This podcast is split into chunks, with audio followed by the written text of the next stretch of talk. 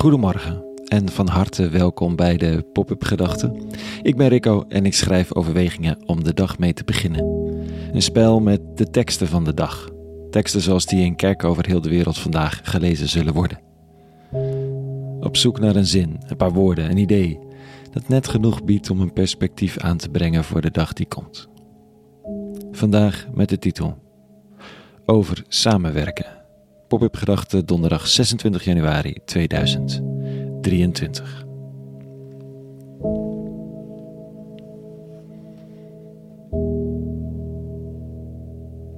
De uitspraak wie snel wil reizen moet alleen gaan, wie ver wil komen moet samen optrekken, is velen wel bekend. Mm, maar in het gewone leven is dat ver komen nog niet zo makkelijk. Snel wil iedereen wel. Of misschien is dat mijn persoonlijke voorkeur. Ver komen, dat is andere koek. Het lijkt wel of we wat ouder moeten worden om de zin daarvan te begrijpen. Iets meer geconfronteerd worden met onze eindigheid. En gaan nadenken of er nog iets overeind blijft als we omvallen. Überhaupt de gedachte dat je kan omvallen wordt steeds realistischer naarmate je een beetje ouder wordt voor velen. Gisteren zat ik nog met een theatermaker. Op een fantastische manier gebruikt hij theatervoorstellingen om Nederlanders en vluchtelingen met elkaar in contact te brengen.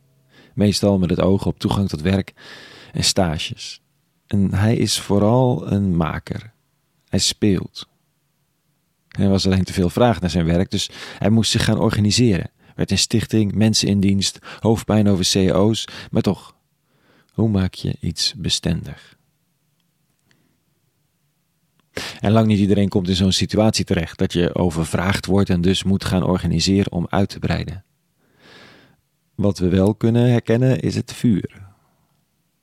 Dat je warm loopt voor iets waar je in gelooft en dat het je overvraagt. Of dat nu verbinding met de buurt is, een initiatief in je familie of een thema wat je eigenlijk wel heel graag op je werk zou willen introduceren. Ja, dus organiseer je een dag, je krijgt er ruimte, het komt bovenop je gewone uren, want tja, je wilde het toch zo graag, dan moet je het ook goed doen. Je krijgt er veel voor terug als het lukt, maar twijfelt ook of je een volgende keer het weer zou doen, want het kost zoveel. Vandaag een stuk uit een brief van Paulus, die schrijft aan zijn leerling Timotheus, vol warme woorden over support en verbinding. En hij schrijft: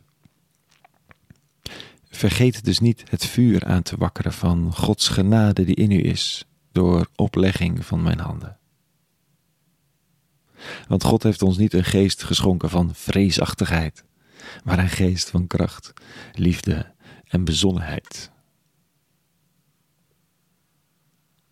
Paulus is niet degene die dan zelf het vuur draagt en hoopt dat andere mensen dan voor hem gaan lopen of taken gaan uitvoeren. Hij hoopt dat het vuur zelf zijn weg gaat. Hij heeft Timotheus de handen opgelegd als een soort bezegeling van de samenwerking en nu zegt hij tegen Timotheus dat het zaak is om dat vuur in hem warm te houden, aan te wakkeren. Vuur vraagt onderhoud. Of je nu vurig theatermaker bent, zin hebt om in je buurt iets op te pakken of wat dan ook, het vuurtje heeft mensen nodig.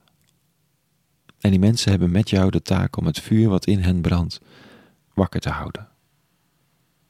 Ook al komt er altijd een punt dat je niet weet of je er goed aan doet. Dat er tegenslag is, dat mensen het niet willen horen, dat je bang wordt. Dat vooral, vreesachtigheid, dat je bang wordt.